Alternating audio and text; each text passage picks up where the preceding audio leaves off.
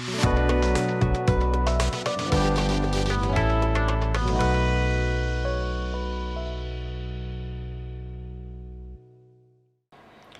င်္ဂလာပါရှင်မြမပြည်သူပြည်သားအပေါင်းစိတ်ချမ်းသာခြင်းကိုယ်ရည်ကျန်းမာခြင်းနဲ့ပြည့်စုံကြပါစေလို့ PPTV ဖွဲ့သားတွေကဆုတောင်းမြတ်တာပို့တာပါတယ်ခုတစ်ပတ်တွင်ဖြစ်ပေါ်ခဲ့တဲ့သတင်းတွေနဲ့ပတ်သက်ပြီးသတင်းချင်းချုပ်ကိုကျွန်မစင်စင်ကတင်ဆက်ပေးသွားမှာဖြစ်ပါတယ်ရှင်ပ ထမဆုံးသတင်းအနေနဲ့မဟာမိတ်ဆက်ဆံရေးမှာရေတိုအကျိုးစီးပွားရေးကိုသာကြည့်ပြီးလှုပ်ဆောင်တာမျိုးရှောင်ကျဉ်ကြဖို့ NUG ယာယီသမရကတတိပေးတိုက်တွန်းလိုက်တဲ့သတင်းပဲဖြစ်ပါတယ်ရှင်မြမနွေဦးတော်လန်ရေးအတွင်းမဟာမိတ်ဆက်ဆံရေးမှာရေတိုအကျိုးစီးပွားကိုသာကြည့်ပြီးလှုပ်ဆောင်တာမျိုးကိုရှောင်ကျဉ်ကြဖို့အမျိုးသားညီညွတ်ရေးအစိုးရယာယီသမရဒူဝါလက်ရှိလာကအောက်တိုဘာ18မှာပြုလုပ်တဲ့အမျိုးသားညီညွတ်ရေးအစိုးရ82ကြိမ်မြောက်အစိုးရအဖွဲ့အစည်းအဝေးမှာတတိပေးတိုက်တွန်းခဲ့ပါတယ်။မြမနွေဦးတော်လန်ရေးအတွင်းက စီရင်မဟာမိတ်တပ်ပေါင်းစုကိုတိဆောက်တဲ့နေရာမှာမဟာမိတ်ဆက်ဆံရေးအမြင်ကိုတက်နိုင်သမျှအမြင်ကျကျသဘောထားကြီးကြီးနဲ့အမျှော်မြင်ရှိရှိကြည်မြင်တတ်ဖို့လိုပါတယ်။မဟာမိတ်ဆက်ဆံရေးကိုတိဆောက်တဲ့နေရာမှာသဘောထားအမြင်ကျင်းမြောင်းစွာချင်းကပ်လှုပ်ဆောင်မှုမသင့်ပါဘူး။ကျွန်တော်တို့ရဲ့တော်လန်ရေးစိတ်ဆန္ဒတွေကဂိုင်းကနဝါဒကိုရှောင်ပြီးတော့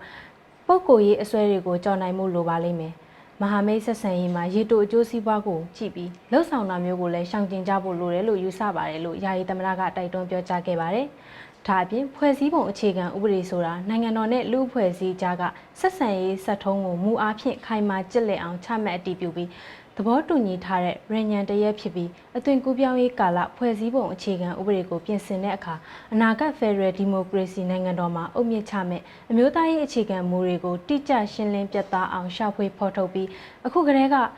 အုတ်မြစ်တည်ထားဖို့ကြဖို့လဲယာယီသမနာကပြောကြားခဲ့ပါတယ်ရှင်ဆက်လက်တင်ဆက်ပေးမယ့်သတင်းကတော့လူမဆန်စွာရဲရဲဆက်ဆက်ခေါင်းဖြတ်တက်ဖြတ်ခံရတဲ့ CDN ဆရာဦးစောထုံးမို့အတွက်အထူးဝန်နေကြောင်း NUG ကထုတ်ပြန်ခဲ့တဲ့သတင်းပဲဖြစ်ပါတယ်ရှင်။ အကြမ်းဖက်စစ်ကောင်စီရဲ့လူမဆန်စွာရဲရဲဆက်ဆက်ခေါင်းဖြတ်တပ်ဖြတ်ခံရတဲ့ CDN ဆရာဦးစောထုံးမို့အတွက်အထူးဝန်နေကြောင်းအောက်တိုဘာ18ရက်မှာအမျိုးသားညီညွတ်ရေးအစိုးရပညာရေးဝန်ကြီးဌာနကထုတ်ပြန်ခဲ့ပါတယ်။မကွေးတိုင်းပေါ့မြို့နယ်တောင်ပိုင်းတင့်ညီနောင်ရွာနေဆရာဦးစောထွန်းမိုးမှာအာနာဖီဆန်လှုပ်ရှားမှုမှာပါဝင်ခဲ့တဲ့အပြင်ဂျားကာလပညာရေးကိုအကောင့်ထဲပေါ်ဆောင်ရွက်ပေးနေတဲ့ဆရာတဦးဖြစ်ပြီးအောက်တိုဘာ18ရက်မှာမကွေးတိုင်းပေါ့မြို့နယ်တောင်ပိုင်း တောင်မြင့်ရွာမှာအကြမ်းဖက်စစ်ကောင်စီကဖမ်းဆီးပြီးဥကောင်းနဲ့ခြေလက်တွေကိုအပိုင်းပိုင်းဖြတ်ပြီးရရဆက်ဆက်တပ်ဖြတ်သွားတဲ့အပြင်တောင်မြင့်ရွာအလဲတန်းကျောင်းတကားမှာဆရာဦးစောထွန်းမိုးရဲ့ဥကောင်းကိုလူမဆန်စွာချိတ်ဆွဲထားခဲ့တာဖြစ်ပါတယ်။အဲ့လိုတုံလုံး၆၆ပွဲကောင်းပြီးလူသားကုံသိက္ခာညှိုးနှွမ်းစေတဲ့ရာဇဝတ်မှုကိုကျူးလွန်ခံခဲ့ရတဲ့အဖြစ်အပျက်အတွက်ကျန်ရစ်သူမိသားစုတွေနဲ့ ထပ်တူဝန်နေကြောင်းအာနာသိန်းစစ်ကောင်စီကကြေးရွာတွေကိုမီးရှို့ဓမြတိုက်နေတဲ့အပြင်ရွာသားတွေကိုအကြမ်းဖက်နှိပ်စက်တပ်ဖြတ်ခြင်းကြေးရွာစာတင်ကျောင်းတွေကိုမီးရှို့ခြင်းဂျားကာလာပညာရေးကိုအကောင့်ထဲဖော်နေတဲ့ရဲဝန်းစွန်စွာစီရီယန်ဆရာတွေနဲ့အပြစ်မဲ့ကျောင်းသားကျောင်းသူကလေးငယ်တွေကိုလူမဆန်စွာတပ်ဖြတ်နေတာကိုပညာရေးဝန်ကြီးဌာနကပြင်းထန်စွာရှုံချတယ်လို့ဖော်ပြထားပါတယ်ပညာရေးဝန်ကြီးဌာနအနေနဲ့ဆရာဦးစောထွန်းမို့လို့ ຫນွေဦးတော်လန်ရေးမှာအကြမ်းဖက်စစ်အာဏာရှင်ရဲ့လူမဆန်စွာရက်ဆက်ကြမ်းကြုတ်မှုတွေကိုခုခံတော်လှန်ရေးကြဆုံးခဲ့ရတဲ့ဆရာတွေကိုမော်ဝန်းဝင်တော်လှန်ပညာသူရဲကောင်းတွေအဖြစ်မှတ်တမ်းတင်အလေးမဲ့ပြုထားတယ်လို့ဆက်လက်ဖော်ပြထားပါတယ်ရှင်။ဆက်လက်တင်ဆက်ပေးမယ့်သတင်းကတော့မြန်မာနိုင်ငံအရေးကုလနဲ့နိုင်ငံတကာအတိုင်းအဝိုင်းတို့ရဲ့ထုတ်ပြန်ချက်တွေဆောင်းလုံလောက်မှုမရှိဘဲလက်တွေ့ကြပြီးထိရောက်တဲ့လှုပ်ဆောင်ချက်တွေလိုအပ်နေတယ်လို့တာမန်ကြီးဦးကျော်မိုးထွန်းကပြောကြားခဲ့တဲ့သတင်းပဲဖြစ်ပါတယ်ရှင်။ မြန်မာနိုင်ငံရဲ့ပျက်စီးယွံ့ရွဲနေတဲ့အခြေအနေအတွက်နိုင်ငံတကာအတိုင်းအဝိုင်းနဲ့ကုလသမဂ္ဂတို့ရဲ့ထုတ်ပြန်ချက်တွေထုတ်ပြန်ပေးနေုံနဲ့လုံလောက်မှုမရှိဘဲထိရောက်ပြီးလက်တွေ့ကျတဲ့လှုပ်ဆောင်ချက်တွေလိုအပ်နေတယ်လို့ကုလသမဂ္ဂဆိုင်ရာမြန်မာအမြဲတမ်းကိုယ်စားလှယ်တန်မတ်ကြီးဦးကျော်မိုးထွန်းကအော်တိုဘာလ18ရက်မှာပြုလုပ်တဲ့89ကြိမ်မြောက်ကုလသမဂ္ဂအထွေထွေညီလာခံမှာတိုက်တွန်းပြောကြားခဲ့ပါတယ်။ နိုင်ငံတကာအတိုင်းအဝိုင်းနဲ့ကုလသမဂ္ဂတို့ကထုတ်ပြန်ချက်တွေထုတ်ပေးသည့်အပေါ်ကျေးဇူးတင်ပေမဲ့ပျက်စီးယူရနေတဲ့အခြေအနေအတွက်ထုတ်ပြန်ချက်တွေထုတ်ပြန်ပေးုံနဲ့လုံလောက်မှုမရှိတော့ဘဲထိရောက်မှုရှိတဲ့လက်တွေ့လှုပ်ဆောင်ချက်တွေကသာမြေပြင်မှာဖြစ်ပေါ်နေတဲ့အခြေအနေကိုကာကွယ်ပေးနိုင်တယ်လို့တာမန်ကြီးကတိုက်တွန်းပြောကြားခဲ့ပါတယ်။ဆီယနာသိမ်းမှုနဲ့စစ်တပ်ရဲ့လူမဆန်တဲ့လုပ်ရက်တွေကြောင့်နောက်ဆက်တွဲအကျိုးဆက်အနေနဲ့ ပြည်တွင်းနေရအနှံ့ပြားမှာပြည်တွင်းနေရစွန့်ခွာသူအမြောက်အများဖြစ်ပေါ်လာစေကြောင်းကုလသမဂ္ဂကထုတ်ပြန်ထားတဲ့ကိန်းဂဏန်းတွေအရရိုဟင်ဂျာ3သိန်းကျော်အပါအဝင်ပြည်တွင်းနေရစွန့်ခွာသူ1.3တန်းကျော်ရှိကြောင်းလွန်ခဲ့တဲ့လပေါင်း20အတွင်းမှာပြည်တွင်းနေရစွန့်ခွာသူ9,8500ကျော်ဦးရှိပြီးအဲ့ဒီစီးရင်မှာအမျိုးသမီးတွေနဲ့ကလေးငယ်များစွာလည်းပါဝင်ပြီးစစ်ကောင်စီကပြည်ရင်းနေရစွန့်ခွာသူများဖြစ်စေဖို့ရည်ရွယ်ချက်ရှိရှိပြစ်မှတ်ထားနေတယ်လို့တာမတ်ကြီးကပြောကြားခဲ့ပါတယ်ရှင်။ဆ ဆက်လက်တင်ဆက်ပေးမယ့်သတင်းကတော့ဗဟန်းမြို့နယ်နဲ့တောင်တကုံမြို့နယ်ကအကြမ်းဖက်စစ်ကောင်စီတင်ယူထားတဲ့မြေခွက်1200ခန့်ကိုတော်လိုင်းရေးရမုံငွေအဖြစ် NUG ကအောက်တိုဘာ22ရက်မှာစတင်ရောင်းချမယ်ဆိုတဲ့သတင်းပဲဖြစ်ပါတယ်ရှင်။ဗဟန်းမြို့နယ်နဲ့တောင်တကုံမြို့နယ်ကအကြမ်းဖက်စစ်ကောင်စီတင်ယူထားတဲ့မြေခွက်1200ခန့်ကိုနေဦးတော်လိုင်းရေးရမုံငွေအဖြစ်အောက်တိုဘာလ22ရက်ကစတင်ပြီးဖော်ထုတ်ရောင်းချသွားမယ်လို့အမျိုးသားညီညွတ်ရေးအစိုးရစီမံကိန်းဗဏ္ဍာရေးနှင့်ယင်းနှိမ့်မြုံနယ်မှုဝန်ကြီးဌာနနဲ့ TNO Leadership က အောက်တိုဘာ15ရက်မှာထုတ်ပြန်ကြေညာခဲ့ပါတယ်။ဗဟန်းမြို့နယ်မဟာစီသာသနာရိပ်သာလမ်းအတွင်းစစ်တပ်ကတင်းယူထားတဲ့မြေနေရာတွေကိုတော်ဝင်တွေဦးလို့အမိပေးကမြေကွက်160ရောင်းချပေးမှဖြစ်ပြီးလူနေအိမ်အင်ဟာပေ60ပေ80မြေကွက်40နဲ့ပေ40ပေ60မြေကွက်လက်ပေါင်း120တို့ကိုတန်မိုးအမေရိကန်ဒေါ်လာ33500အမေရိကန်ဒေါ်လာ9200တို့နဲ့ရောင်းချမယ်လို့ဖော်ပြထားပါတယ်။ တောင်ကုံမြို့နယ်အမှတ်နှစ်လမ်းမကြီးနဲ့ကျန်စစ်သားလမ်းမကြီးထောင်ကစစ်တပ်ကတင်ထားတဲ့မြေတွေကိုຫນွေဦးအောင်လန်းလို့အမည်ပေးထားပြီးပေ100ပေ150မြေကွက်32ကွက်ပေ60ပေ80မြေကွက်200နဲ့ပေ40ပေ60မြေကွက်800ကျော်ရောင်းချသွားမှာဖြစ်ပြီးမြေကွက်တန်မိုးတွေကဒေါ်လာ3သိန်းခွဲဒေါ်လာ28500နဲ့ဒေါ်လာ1000ခွဲတို့ဖြစ်တယ်လို့ဆက်လက်ဖော်ပြထားပါတယ်ရှင်။ ဝယ်ယူလိုသူတွေကမြေကွက်တံမိုးရဲ့40ရာခိုင်နှုန်းကိုကြိုတင်ပေးသွင်းရမှာဖြစ်ပြီးကျန်60ရာခိုင်နှုန်းကိုတော်လန်ရင်အပြီးမှာပေးသွင်းရမှာဖြစ်ပါတယ်ရှင်။ဆက်လက်တင်ဆက်ပေးမယ့်သတင်းကတော့လူသားချင်းစာနာထောက်ထားမှုအကူအညီထောက်ပံ့နေစစ်ဘေးရှောင်ဒေသတွေစီတိုက်ရိုက်လှူဒန်းနေပြီးမြန်မာကျောင်းသားတွေအတွက်ဤပညာအထောက်အကူပြုပစ္စည်းတွေထောက်ပံ့ကူညီနိုင်ရင်းနဲ့အွန်လိုင်းပညာရေးစနစ်တိုးတက်ဖွံ့ဖြိုးရေးဗပောင်းဆောင်ကကူညီမယ်လို့ကိုရီးယားဆိုးမျိုးတော်ပညာဝင်ပြောကြားခဲ့တဲ့သတင်းပဲဖြစ်ပါတယ်ရှင်။ လူသားချင်းစာနာထောက်ထားမှုအကူအညီထောက်ပံ့နေစစ်ပေးရှောင်ဒေသတွေစီတိုက်ရိုက်လူရန်နေပြီးမြန်မာကျောင်းသားတွေအတွက်ဤပညာအထောက်အကူပြုပစ္စည်းတွေထောက်ပံ့ကူညီနိုင်ရင်းနဲ့အွန်လိုင်းပညာရေးစနစ်တိုးတက်ဖွံ့ဖြိုးရေးအတွက်ဗပောင်းဆောင်ကကူညီမယ်လို့ကိုရီးယားဆိုးမျိုးတော်ပညာဝင်မစ္စတာဂျိုဟီရွန်ကအောက်တိုဘာ19ရက်မှာအမျိုးသားညီညွတ်ရေးအစိုးရဖက်ဒရယ်ပြည်ထောင်စုဝန်ကြီးဒေါက်တာလျံမုံစာခေါင်းနဲ့တွေ့ဆုံပြောကြားခဲ့တာပါ။ အမျိုးသားညီညွတ်ရေးအစိုးရကအခက်အခဲတွေကြားကမြန်မာလူငယ်တွေရဲ့အနာဂတ်အတွက်စ조사အထောက်နေမှုတွေကိုကြားသိရတဲ့အတွက်ဝမ်းမြောက်ပြီး NUG ကဖွင့်လှစ်ထားတဲ့ကျောင်းနေရာမှာက refugee camp တွေမှာရောက်ရှိနေတဲ့ဒုက္ခသည်ကျောင်းသားလူငယ်တွေအတွက်ပါလိုအပ်တဲ့နည်းပညာအထောက်အကူပြုပစ္စည်းတွေထောက်ပံ့ကူညီနိုင်ရေးအတွက်အမြန်ဆုံးနည်းလမ်းများရှာဖွေသွားမှာဖြစ်တယ်လို့ online ပညာရေးစနစ်တိုးတက်ဖွံ့ဖြိုးရေးအတွက်လည်းဗတ်ပေါင်းစုံကကူညီသွားမှာဖြစ်တယ်လို့စိုးမျိုးတော်ပညာဝန်ကပြောကြားခဲ့ပါတယ်။ မြန်မာနိုင်ငံရေးအခြေအနေတွေကိုမျက်ခြေမပြတ်လေးလာနေတဲ့အတွက်အားလုံးကိုသိရှိနားလည်စာနာမိပြီးလူသားချင်းစာနာထောက်ထားမှုအထောက်ပံ့တွေကိုစင်ဆက်မပြတ်စစ်ဘေးရှောင်ဒေသတွေစီတိုက်ရိုက်လူရန်ထောက်ပံ့နေကြောင်းနဲ့မြမအကြောင်းသားလူငယ်တွေအကူအညီပေးနိုင်မဲ့နည်းလမ်းတွေကိုအမြဲရှောက်ဖွေစဉ်းစားလျက်ရှိတယ်လို့စိုးမျိုးတော်ပညာဝင်ကပြောကြားခဲ့ပါတယ်။ဒါအပြင်ကိုရီးယားပညာရေးအဖွဲ့အစည်းတွေမြန်မာနိုင်ငံရေးစိတ်ဝင်စားကြတဲ့ကိုရီးယားအစိုးရပိုင်းကတာဝန်ရှိသူတွေ NUG အစိုးရအဖွဲ့ကပညာရေးတာဝန်ခံတွေ နဝတရန်ချိတ်ဆက်ပြီးကိုရီးယား NUG ကိုယ်စားလှယ်ရုံးကတဆင့်ဆက်လက်အကောင့်ထဲပေါ်ဆောင်ရွက်သွားကြဖို့သဘောတူညီနိုင်မှုတွေကိုရရှိခဲ့တယ်လို့ Federal ပြည်အောင်စုဝန်ကြီးကဖော်ပြထားပါတယ်။အမျိုးသားညီညွတ်ရေးအစိုးရ Federal ပြည်အောင်စုရေးရာဝန်ကြီးဌာနပြည်အောင်စုဝန်ကြီးဒေါက်တာလျံမုံဆန်ကောင်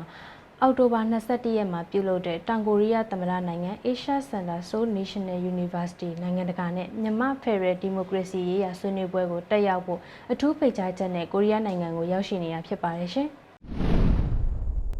ဆက်လက်တင်ဆက်ပေးမယ့်သတင်းကတော့စက်တင်ဘာလအတွင်းလူသားချင်းစာနာမှုအကူအညီကျပ်သိန်း280ကျော်ထောက်ပံ့ပေးနိုင်ခဲ့တယ်လို့ NUG ကထုတ်ပြန်ခဲ့တဲ့သတင်းပဲဖြစ်ပါတယ်ရှင်။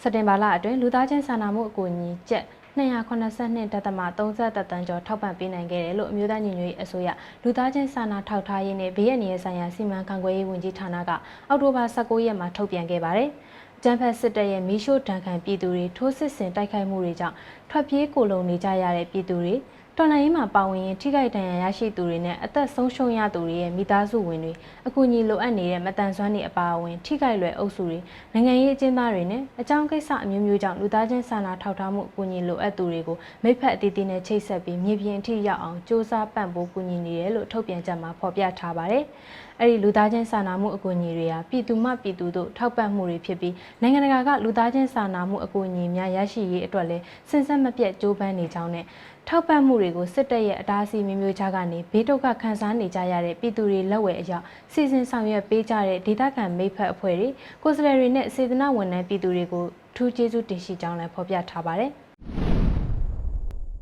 ဆက်လက်တင်ဆက်ပေးမယ့်သတင်းကတော့အင်းစိန်ထောင်ဖြစ်စဉ်နဲ့ပတ်သက်ပြီးအရသားပြည်သူတွေထိခိုက်စေတဲ့လုပ်ရက်တွေတရားဝင်နဲ့အညီအရေးယူဆောင်ရွက်သွားနိုင်ရင်မဖြစ်မနေဆောင်ရွက်သွားမယ်လို့ NUG ကထုတ်ပြန်ခဲ့တဲ့သတင်းပဲဖြစ်ပါတယ်ရှင်။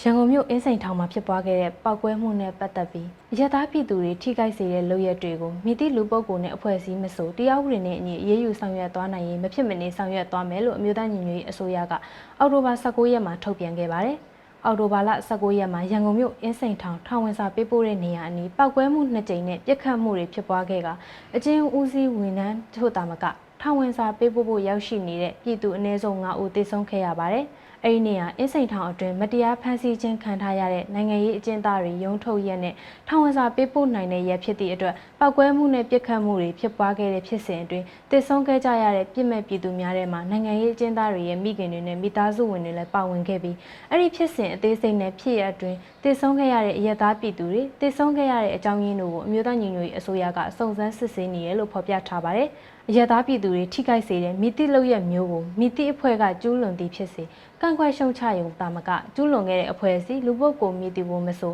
တရားဥပဒေနဲ့အညီအရေးယူဆောင်ရွက်သွားနိုင်ရင်မဖြစ်မနေဆောင်ရွက်သွားမယ်လို့ထုတ်ပြန်ခဲ့ပါတယ်ဆက်လက်တင်ဆက်ပေးမယ့်သတင်းကတော့အကြမ်းဖက်စစ်တပ်ကရဟတ်ရင်တွေနဲ့တိုက်ခိုက်မှုတွေပြုလုပ်ခဲ့လို့ကိုဝင်ဆောင်အမျိုးသမီးတဦးအပါအဝင်အမျိုးသမီး2ဦးသေဆုံးခဲ့ပြီးမြေပြင်ကနေလည်းစစ်ကြောင်းထိုးဝင်ရောက်ကပြည်သူ38ဦးကိုဖမ်းဆီးသွားခဲ့တဲ့သတင်းပဲဖြစ်ပါတယ်ရှင်။ စကိုင်းတိုင်းရင်းမပင်မြို့နယ်နဲ့ပလဲမြို့နယ်အစက်ကကျွရွာတွေကိုအကြမ်းဖက်စစ်တပ်ကရဲဟက်ရင်တွေနဲ့တိုက်ခိုက်မှုတွေပြုလုပ်ခဲ့လို့ပြားအိုကျွရွာကကိုဝင်ဆောင်အမျိုးသမီးတို့အပါအဝင်အမျိုးသမီး2ဦးသေဆုံးခဲ့တယ်လို့ဒေသခံတွေကပြောပါတယ်။ကျန်းဖက်စစ်တပ်ရဲ့ရဟတ်ရင်တွေကအောက်တိုဘာ19ရက်မနက်9:00နာရီကျော်ခန့်ကစပြီးပထိုးသားရင်မောင်းတိုင်းနဲ့ပြားအိုးရွာတွေကိုလေကြောင်းကနေတိုက်ခိုက်မှုတွေပြုလုပ်ခဲ့တာပါ။အဲဒီလိုပြစ်ခတ်မှုကြောင့်ပြားအိုးကျွရွာသူအသက်30အရွယ်အမျိုးသမီးတဦး ကိုဝင်6လနဲ့အသက်60ရွယ်အမျိုးသမီးတဦးသေဆုံးခဲ့ရပြီးမြေပြင်ကနေစစ်ကြောင်းထိုးဝင်ရောက်လာတဲ့အကြမ်းဖက်စစ်တပ်စစ်ကြောင်းကရင်းပေါင်တိုင်းကြေးရွာမှာတက်ဆွဲထားပြီးအမျိုးသား38ဦးကိုဖမ်းဆီးထားတယ်လို့လည်းဒေသခံတွေကပြောပါတယ်ဆက်လက်တင်ဆက်ပေးမယ့်သတင်းကတော့ဂျာကာလာဒေသနရပြည်သူ့အုပ်ချုပ်ရေးဖော်ဆောင်မှုဗဟိုကော်မတီနဲ့တိုးချဲ့ပြည်သူ့အုပ်ချုပ်ရေးအဖွဲ့တွေအကြားတွေ့ဆုံမှုဆွေးနွေးမှုတွေပြုလုပ်တယ်ဆိုတဲ့သတင်းပဲဖြစ်ပါတယ်ရှင်။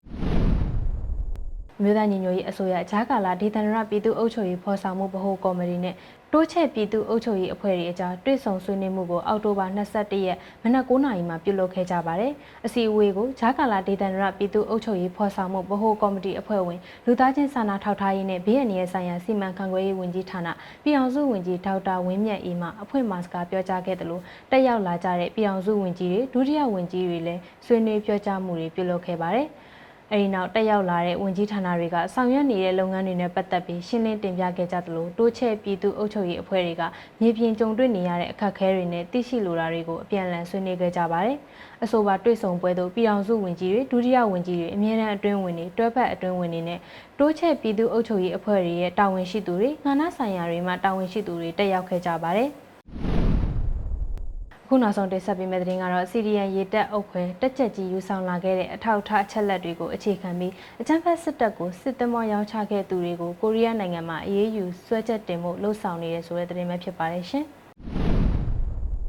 2009ခုနှစ်ကအကြမ်းဖက်စစ်တပ်ကိုစစ်သည်မောတစင်ရောင်းချခဲ့တဲ့ကိုရီးယားကာကွယ်ရေးဝန်ကြီးဌာနကတာဝန်ရှိသူတွေကိုအကြမ်းဖက်စစ်တပ်ကဆွန့်ခွာပြီး CDN လှုပ်လာတဲ့အုတ်ခွဲတက်ကြီးကယူဆောင်လာတဲ့အထောက်အထားအချက်လက်တွေကိုအခြေခံပြီးအရေးယူဆွဲချက်တင်ဖို့ကိုကိုရီးယားနိုင်ငံမှာလှုပ်ဆောင်နေပါပြီ။မြမရေတပ်ကိုစစ်သည်မောတစင်ရောင်းချလွှဲပြောင်းပေးခဲ့တဲ့အပေါ် Posco International Design Ship Building and Engineering နဲ့ကိုရီးယားကာကွယ်ရေးဝန်ကြီးဌာနတို့ကိုရဲတပ်ဖွဲ့စုံစမ်းစစ်ဆေးမှုတွေရဲ့လက်တလောဖြစ်ပေါ်တိုးတက်မှုတွေကို Justice for Myanmar နဲ့ Korea Civil Society in Support of Democracy in Myanmar တို့ကကြိုးဆိုတယ်ဆိုပြီးတော့သတင်းထုတ်ပြန်ထားပါတယ်။ ကိုရီးယားနိုင်ငံခြားကုန်သွယ်ရေးအအုပ်တွေကိုချိုးဖောက်တယ်လို့ဆွဲဆိုထားတဲ့အဲ့ဒီအမှုတွေမှာတာဝန်ရှိတဲ့လူပုဂ္ဂိုလ်တဦးချင်းစီကိုဆွဲဆက်တင်ပြီးအမြန်ဆုံးရေးယူဆောင်ရွက်ပေးဖို့ကိုရီးယားအစိုးရရှေ့နေကို Justice for Myanmar ကတောင်းဆိုထားပါတယ်။ CDN အုပ်ခွဲတက်ချက်ကြီးမြင့်မင်းသူကတောင်ကိုရီးယားရဲတပ်ဖွဲ့စီတရားဝင်တင်သွင်းခဲ့တဲ့တပ်တွေအထောက်ထားတွေမှာတင်မောရဲ့မူလဒီဇိုင်းပုံတွေအရအဲ့ဒီတင်မောကိုစစ်ဘက်အသုံးပြုမဲ့ကုန်းရီနှစ်သွယ်လုံးတိုက်ခိုက်ရေးစစ်သမောအဖြစ်တိစောက်ခဲ့တာဖြစ်တယ်ဆိုတာနဲ့